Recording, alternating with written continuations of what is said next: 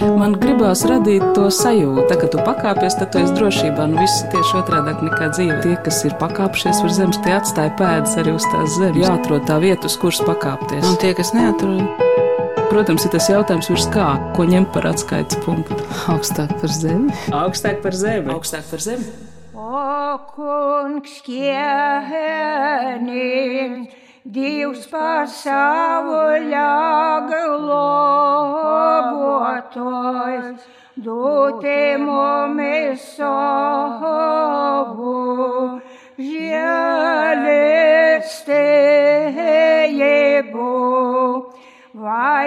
Labdienas diena!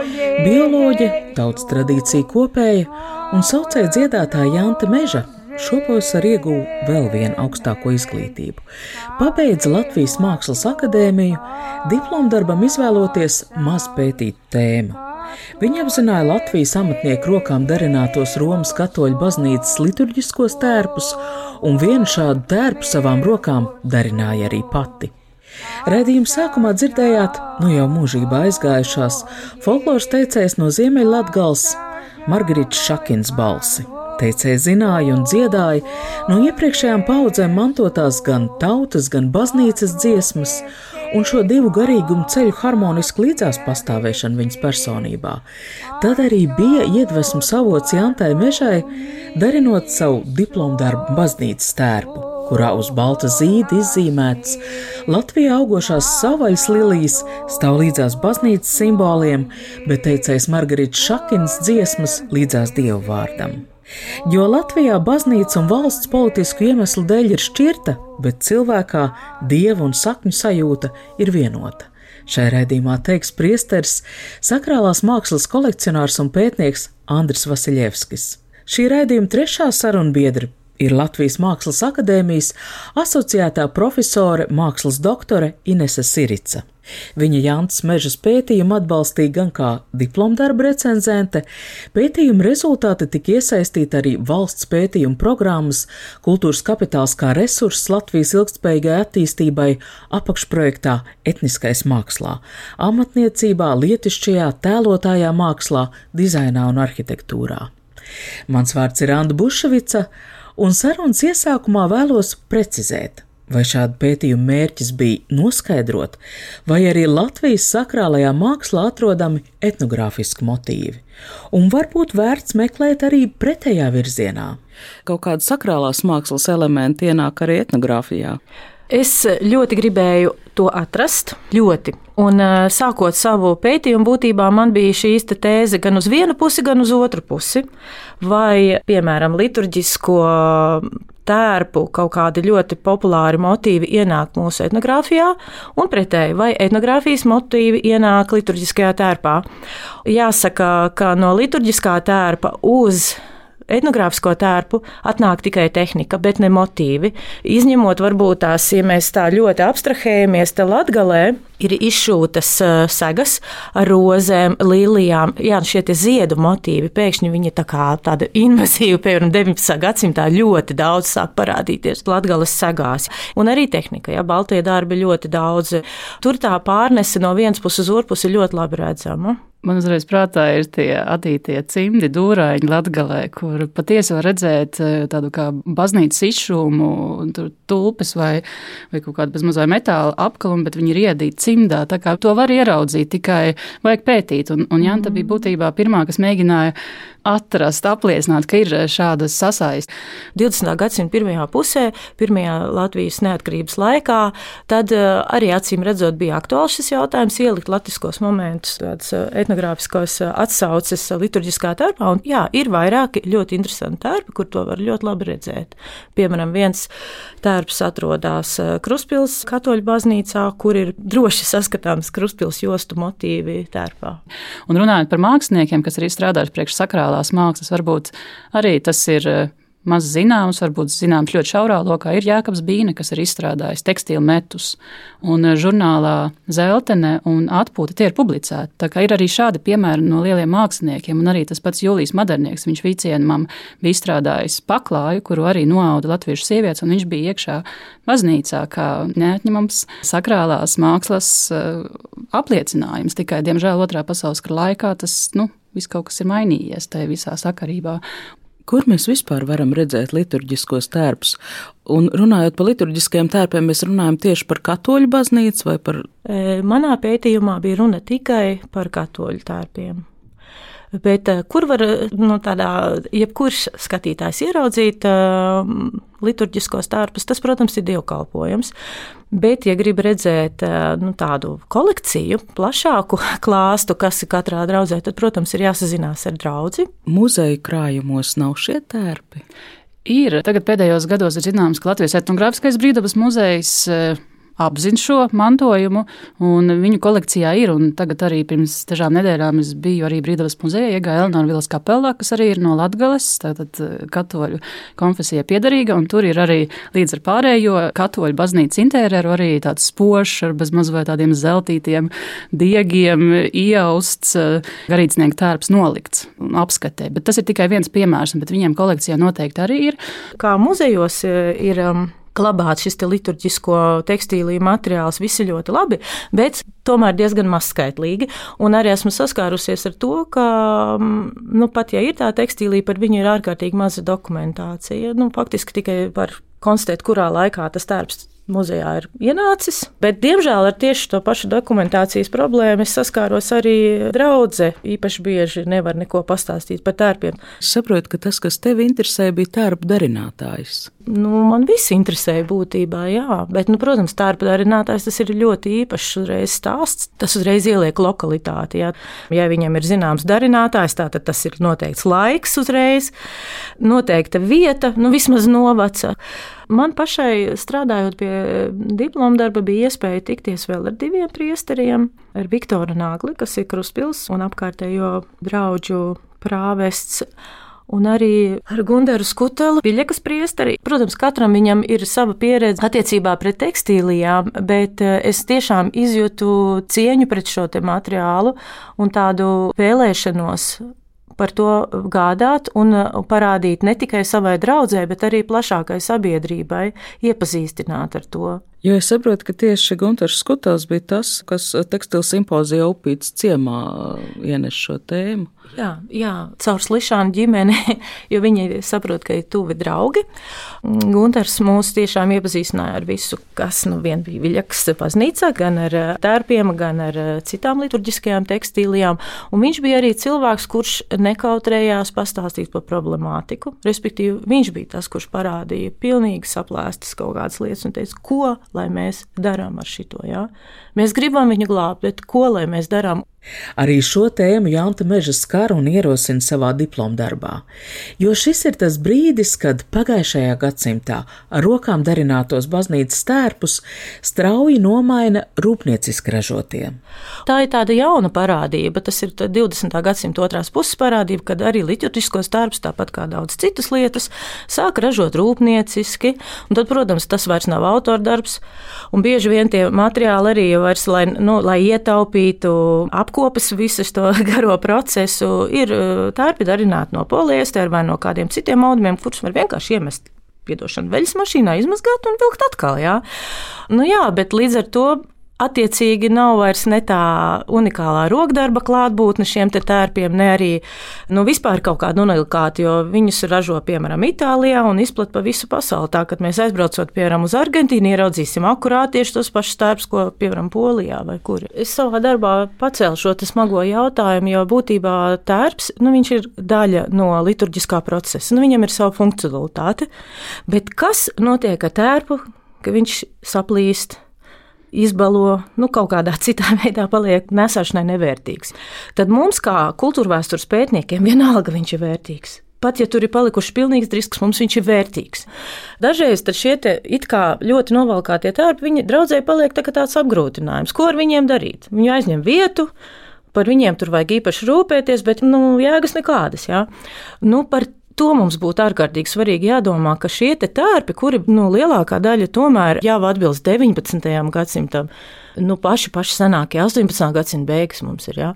Nu, kad viņa nekad netiktu izmest ārā. Ja viņa nav vajadzīga kā lietojama tekstīlija dievkalpojumiem, tā tad viņa vieta ir muzejā. Nu, mums ir jāglabā tāpatās, kā mēs katru tur mazāko lietiņu no mūsu etnogrāfiskiem tērpiem, oriģinālajiem saglabājam, tāpatās arī šo lietu ir visādā veidā jāsaglabā, jo tā ir daļa no mūsu kultūra vēsturiskā mantojuma. Pat ja viņā nav tādas simtprocentīgi redzamas latviešu tradīcija, kaut kāda refleksija, tas, protams, ir vairāk Eiropas tradīcija tradīcijas, kas tur parādās.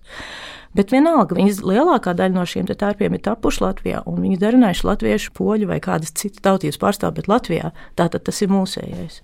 Kāda ir pasaules pieredze? Kā šis jautājums tiek risināts citu vietu? Nu, arī sarunās ar eh, priesteri Andru Vasiljevs, ka viņš man šo jautājumu arī ir atbildējis. Daudz vietā arī ļoti brutāli un vardarbīgi ar šiem tārpiem apējās. Vienkārši viņus izmet. Viņš kā tekstīliju novērtētājs dažkārt ir, ir lūdzis. Eh, ka viņiem lai uzdāvina šos tārpus, kuri ir paredzēti izmest, bet nu, viņi, piemēram, ir no Beļģijas vai no kādas citas vietas, jā, ne no Latvijas. Un tad viņam ir atsevišķi tur atvilknis. Viņš saka, jā, šis ir no Beļģijas, šis ir no Polijas. Tā viņš māk arī to pateikt. Jā. Priesteris Andris Vasiljevskis reizēm tiek saukts arī par suitu priesteri. Jā, viņš bija tas, kurš astoņus gadus kalpodams katoļu draugzēs Alsungā, Jūrkalnē, Gudaniekos, suitus iedrošināja baznīcā nākot vilkt suitu drānas un dievkalpojumā tautas dziesmas dziedāt baznīcas psalmu meldijā. Alsungas svētā Miķeļa baznīcai sekoja Liepājas svētā Jāzepa katedrāle, tagad par jauno kalpošanas vietu kļuvušas aizputs Pāvilostas un Vecpils draudzes, taču visur, kur Andris Vasiljevskis ir pabijis, viņš paralēli priesteru darbam nav žēlojis spēkus arī kultūras mantojuma saglabāšanai. Mēs sazināmies ar Zum starpniecību un man ir iespēja pajautāt priesterim pašam. No maniem vērojumiem, ārpusnieku vērojumiem, es zinu, ka, teiksim, protestanti, luterāņu baznīca ļoti cenšas piešķirt saviem tērpiem, baznīcas tērpiem kaut kādu personīgu detaļu, teiksim, stolē un tā. Man ir radies iespējas, ka katoļu baznīcā tie vairāk ir kā Eh, militārie tērpi, kā dievu kareivju tērpi, viņi arī pieder baznīcai, nevis mācītājiem personīgi. Jā, taisnība, bet mēdz būt arī tā, ka liturģiskos tērpus speciāli arī šuj kādam garīdzniekam. Varbūt kāds ir augstāka ranga vai vēl varbūt vairāk kā simts gadus atpakaļ, kad bija muīžniecībai vēl piederoši garīdznieki, kas nāca no muīžnieku dzimtām. Tur bija viņu attiecīgie ģērboņi attēloti virsū kā bija arī personiski. Jums ir diezgan apjomīga šī kolekcija. Cik apjomīga? Es neesmu skaitījis. Es baidos skaitīt. Ja man jāsaka godīgi, nu man ir piešķirtas trīs telpas. Tās trīs telpas ir Liepājā. Ja Liepājā, jā. Pie Liepājas svētā Jāzepa katedrāles mums ir eh, Liepājas diecēzei ir liturģisko tērpu glabātuve un reizē arī darbnīca, kad mēs paši spēkiem vai pieaucinot profesionālus restauratorus, mēģinām nu, šos tērpus dabūt tādā stāvoklī, lai viņi ir vismaz skatāmi. Tas ir tā kā muzejs. Ja kā muzejs, tad uh, kolekcija būtu vizuāli skatāma vai nu uz kādiem pakarināmiem, vai uz manekeniem. Šeit ir tā, ka tomēr šie priekšmeti guļ atvilknēs. Protams, ir eh, reizi gadā, kāds ir varbūt arī biežāk, eh, tiek izlikts arī apskatēji gan Liepājas svētā Jāzepa katedrālē, tāda neliela ekspozīcija ir, un ir um, Alsungas muzejā, jeb Alsungas novadpētniecības muzejā. Vai jums ir galvā arī kāda vīzija, kāda būtu ideālā sadarbība starp valsti, starp baznīcu? Ja attiecīgais mākslas priekšmets ir iekļauts uh, pieminiektu sarakstā, viņš ir atzīts kā vietējās nozīmes, reģionālās vai valsts uh, nozīmes, nu tad tā nav problēma. Tur ir eh, brīnišķīga sadarbība ar, kas viņš tagad skaitās, kultūras mantojuma centru vai arī kultūra kapitāla fondu un var rakstīt par attiecīgo priekšmetu projektu, lai piešķirtu finansējumu tā restaurācijai. Bet daudz šādu tērpu ir atzīti par vērtību valsts nozīmes. Tad, kad es biju suitu pusē, Jā, es varu teikt, ka tur ir eh, nu, viena no lielākajām valsts nozīmes liturģisko tērpu, tad šo te priekšmetu Nu, tāda kā kolekcija. Tās bet... nav tikai drānas, kuras tiek izmantotas baznīcā liturģijā, bet kurām ir valsts šī aizsardzība. Jo, teiksim, ka tad, tad ir šī rūpe par to, ka lai attiecīgie priekšmeti saglabātos. Tad faktiski iznāk, ka pietrūks tikai iniciatīvas. Varbūt draudzes nezina, ka tas ir iespējams. Jā, bez šaubām. Mums ir ļoti laba sadarbība ar speciālistiem, kuri labprāt arī izbrauc, apskatās, atzīst un pasaka, liekam. Kā īpaši cilvēku nacionālā kultūras mantojuma pārvaldē, eksperti, ar kuru izveidojusies vissirsnīgākā sadarbība, Andris Vasiljevskis min mākslas zinātnieci Rūtu Kamīnsku. Šī gada vasarā iznāca arī Rūts Kamīnskas kopā ar Anitu Bisteru sarakstītā grāmata Sakrālās arhitektūras un mākslas mantojums vēsturiskajos Balvu un Ludzas rajonos. Tajā ir arī liturģisko tērpu apraksti. Jo es saprotu, ka katoļu baznīcā nu, tērpam ir milzīga nozīme. Tas norāda, kas tie par svētkiem, kas tas par gadījumu. Taisnība, tā ir krāsa. Pirmām kārtām krāsa, kas norāda attiecīgo noskaņojumu, kāds ir uh, svētku noskaņojums, kāds ir baznīcā. Andris Vasiljevskis man izstāsta, ka pat 19. gadsimta tērpi salīdzinājumā ar viduslaikiem ir kļuvuši krietni pieticīgāki. Un te nu jāatgādina, ka agrākajos gadsimtos arī cilvēku lasīt prasme nebija tādā līmenī, un paši dievkalpojumi notika latīniski. Tad nu tieši sakrālā māksla, tostarp priesteru tērps, bija tas, kas caur attēliem baznīcēniem izskaidroja bībeles stāstus un vispār dievkalpojumā notiekošo. Ko es arī pamanīju šeit pat pie mūsu kaimiņiem Gotlandē, tur ir brīnišķīgas viduslaiku baznīcas saglabājušās, un viņi mērtiecīgi tās arī restaurē katru gadu pa vienai baznīcai, un tur ir saglabājusies tautas bībele uz sienām. Ikonogrāfiskā manierē, no radīšanas līdz pat diamātas uzņemšanai debesīs. Tas tiek izstāstīts mazās gleznās, bet viens aiz otra pa visu baznīcas perimetru. Jānis Mežas darināto liturģiskā tērpa komplektu Ziemeļlatgals priesterim varat redzēt radio mājaslapā pie raidījuma.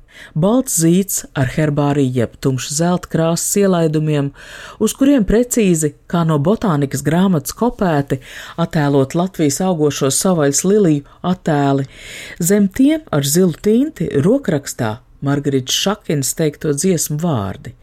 Un man jau šķiet, ka Janta Meža precīzi uztvērus viduslaikos sakrālajā mākslā praktizēto. Mākslinieku uzdevums ir ar zīmējumiem, ar tēliem, ar zināšanām papildināt, padziļināt dievkalpojumu norisi. Un tā man šķiet Latvijā mākslinieku vēl neapgūta joma, jo kur gan citur kā sakrālajā mākslā labāk būtu iespējams apliecināt sava laika vērtības, iemūžināt sava laika stāstus, kā tas notiek citviet pasaulē. Latvijas Mākslas akadēmijas mājaslapā atrodamajā Ineses Sirits intervijā ar Jantu Mežu es uzzinu, ka Jantu iedvesmojas kāds ļoti konkrēts angļu mākslinieces darbs. Mans iedvesmas avots manā diplomdarbā bija Berila Dīna, kas ir mm, britu māksliniece. Īpaši man uzrunāja viņas viens eh, nu, tiksim, apmetnis jā, vai pluviāle, kura bija apgleznota ar uh, Londonas uh, baznīcas siluetiem. Nu jā, man kaut kādā veidā saslēdzās tas, cik tas ir svarīgi, ka viņa nu, ne tikai ir radījusi šo ārkārtīgi skaisto darbu, bet viņa būtībā ir tā tāda vēsturisku fiksāciju uz 1977. gadu veikusi, jā, kas jau atkal ir tāda, nu, kā mēs varbūt tās dažkārt skatāmies uz mākslas darbu tikai kā uz tādu estētisku baudījumu, nē, bet māksla ir arī informācijas avots. Māksla var būt ļoti daudzšķautņaina, un es uzskatu, ka viņa ar savu darbu to tiešām burvīgi izdarīja ne tikai skaisti, bet arī informatīvi, bagāti. Un man tas kaut kādā veidā nu, tiešām iedvesmoja. Savu darbu es uh, esmu apgleznojusi ar augiem. Nu, tāds kā centrālais augs ir diamātas simbols, uh, baznīcas līnija, līnija regāle. Tad uh, uz sānu paneļiem, kā viss tā līnijas ģimene, ir mūsu Latvijas savvaļas līnijas sugas daudzas. visas ir mēģināts uzgleznot tādā veidā, ka viņas ir atpazīstamas. pēc visām bioloģiskajām pazīmēm, jo es profesionāli esmu bioloģi un arī nodarbojusies ar augu zīmējumiem, un līdz ar to man tas bija nu, tāda profesionāli ļoti svarīgi arī parādīt to sugu nu, tādā dabiskā izskatā. Un tad tas tavs vēstījums būtu, ka šīs savaļas lilijas, šie savaļas augi ir nostādām blakus skaistajām Briseles beļģu lilijām. Jā, absolūti. It sevišķi apskatot augus tūplānā, pavisam pietuvināti, ieskatoties katrā tajā ziediņā vai lapu struktūrā, dzīslojumā, sakņu izveidē. Ja? Tur ir tik daudz interesantas informācijas nu, ka man liekas, ka nu, tie augi vienkārši ir pelnījuši, lai viņus paceltu, lai viņus paceltu un parādītu līdzvērtīgi augiem, kuri jau sakrālajā mākslā ir bieži izmantoti. Un kas tam visam sakars ar Margaritu Šakinu? Margarita Šakina ir viens no maniem iedvesmas avotiem. Pirmkārt, jau viņas personība. Cilvēks, kuram e, visa dzīve bija ļoti spēcīgi pakārtot viņas divām galvenajām dzīvesvērtībām, ticībai dievam un mīlestībai uz dziedāšanu. Nu, man arī tā dziedāšana ir nenormāli svarīga dzīvē. Es pati visu laiku dziedu tieši tādu pašu repertuāru, kā dziedā Margarita, dziedāja Margarita. Un, jā, man, man bija ārkārtīgi svarīgi, kad es kā, viņas tajā personības starojumā darināju to darbu. Un tur uzrakstīja arī viņas, tieši viņas teiktās dziesmas, jo viņai bija gan dieva dziesmu repertuārs, gan arī tautas dziesmu repertuārs. Un tur arī parādās gan viens, gan otrs dziesmu veids. Dievs radīja to jēdziesēļu, oj apskaidri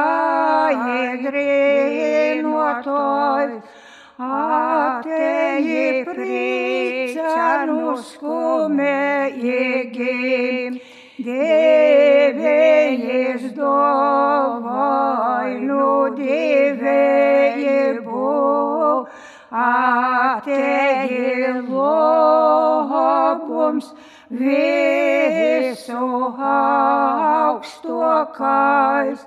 Goridumis protam visdorīgākais, soledāna tu atpirkšana, iždorībīmāca,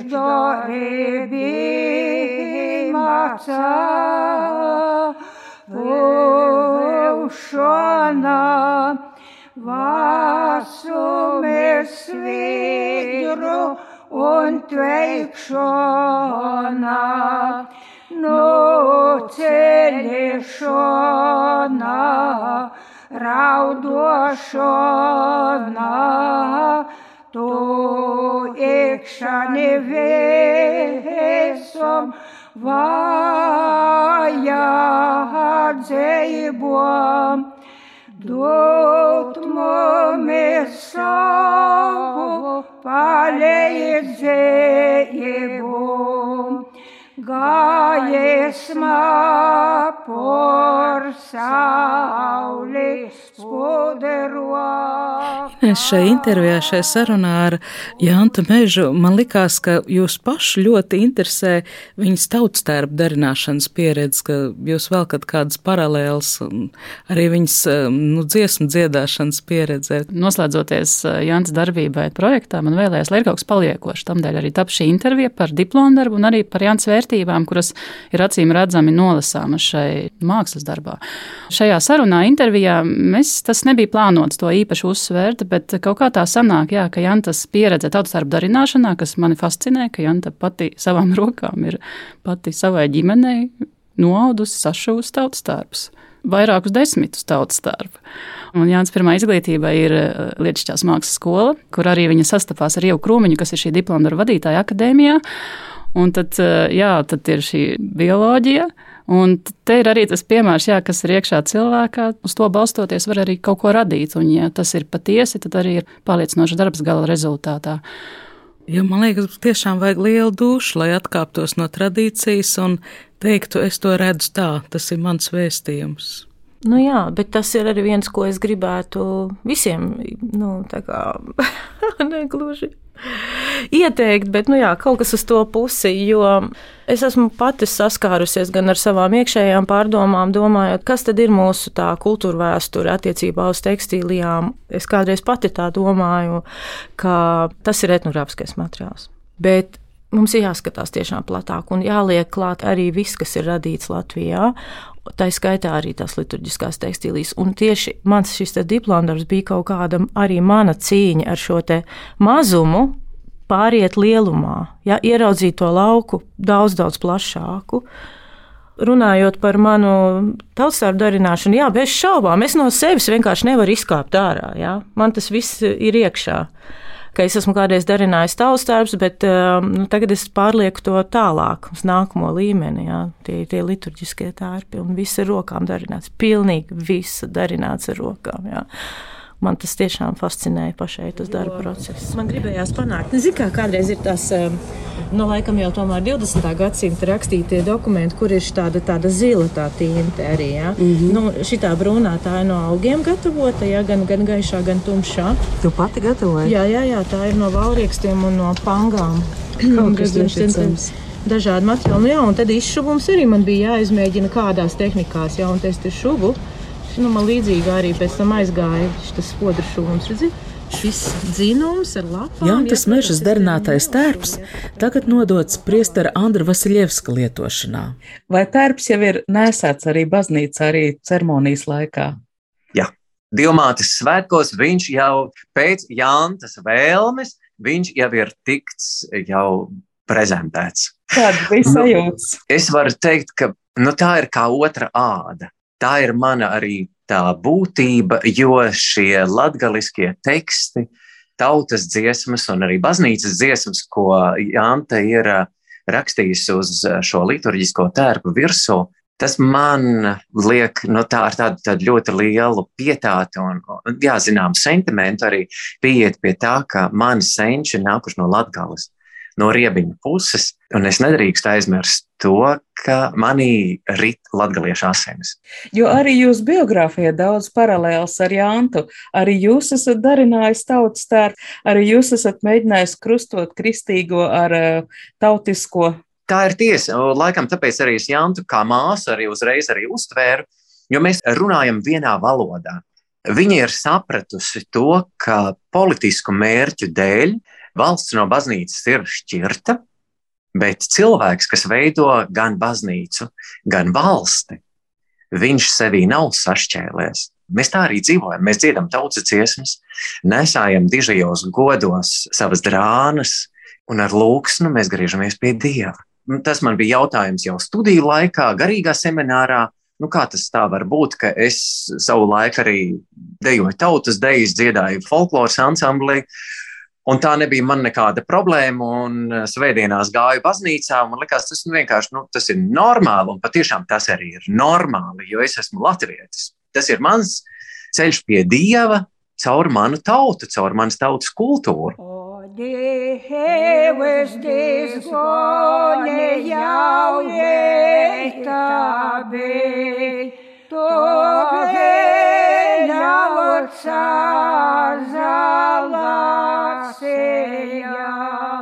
Ar Ines Siricu, Jantu Mežu, Andri Vasiljevski sarunājās Anna Bušvica. Par šī raidījuma skaņu gādāja Valdes Raitums. Raidījumā skanēja Margarita Šakins dziedātās dziesmas no albuma Caur sirdi debesīs. Daudzas lietas, arī gleznas, kas ir darināts baznīcai, bieži vien ir bez autora. Kā, ja, jo cilvēks jau ir tāds tā kā medijs starp dievu un, un zemi. Viņš rada tikai ar savām rokām, bet viņa tās radīšanas spēks nāk no dieva. Līdz ar to tas autors daudzus gadsimtus nebija svarīgs. Ja? Un arī Latvijas materiālā tiešām daži priesteri saka, jā, es zinu, ka šito taisīja tur broņēte vai, vai vēl kaut kāda cita kundzīte. Apmēram tādos un tādos gados ļoti izplūdus tā informācija. Es domāju, ka sākot pētīt to visu varētu atgūt, un tiešām vismaz par dažiem autoriem, kuri ir darinājuši sakrālās tekstīlīs, mēs varētu iegūt vēl informāciju. Bet attiecībā uz nākotni, nu, tas ir viss mūsu rokās. Kā es savam darbam to risināju, es ierakstīju iekšā tādā mazā kabatiņā iešuvu vēstījumu, kurus uzrakstīju par to savu darbu tapšanu kādā sakarā viņš ir tapis kurā gadā autors, un arī īsu vēstījumu par Margaritu Šakinu un par Lilijām, kas tur ir virsū, kāpēc tas viss starps tieši tā noformēts. Un ne tik daudz, lai es kaut kādā veidā sevi tur nu, izceltu, ja, kā autori, bet drīzāk tieši no tā dokumentācijas viedokļa, jo nu, tas tērps dzīvo savu dzīvi, es dzīvošu savu dzīvi, bet, nu, ja kāds gribēs par to tērpu kaut ko vairāk uzzināt, tad viņš var izlasīt. Tā kā tu pakāpies, tad tu esi drošībā. Nu, viss ir tieši otrādi nekā dzīve. Tas ir tā spēle, jā. Tie, kas ir pakāpšies virs zemes, tie atstāja pēdas arī uz tās zemes. Protams, ir tas jautājums, ko ņemt par atskaites punktu. Nē, nu, principā ir skaidrs, augstāk par zemi. Jāatrod tā vieta, uz kuras pakāpties. Augstāk par zemi. Augstāk par zemi. Augstāk par zemi.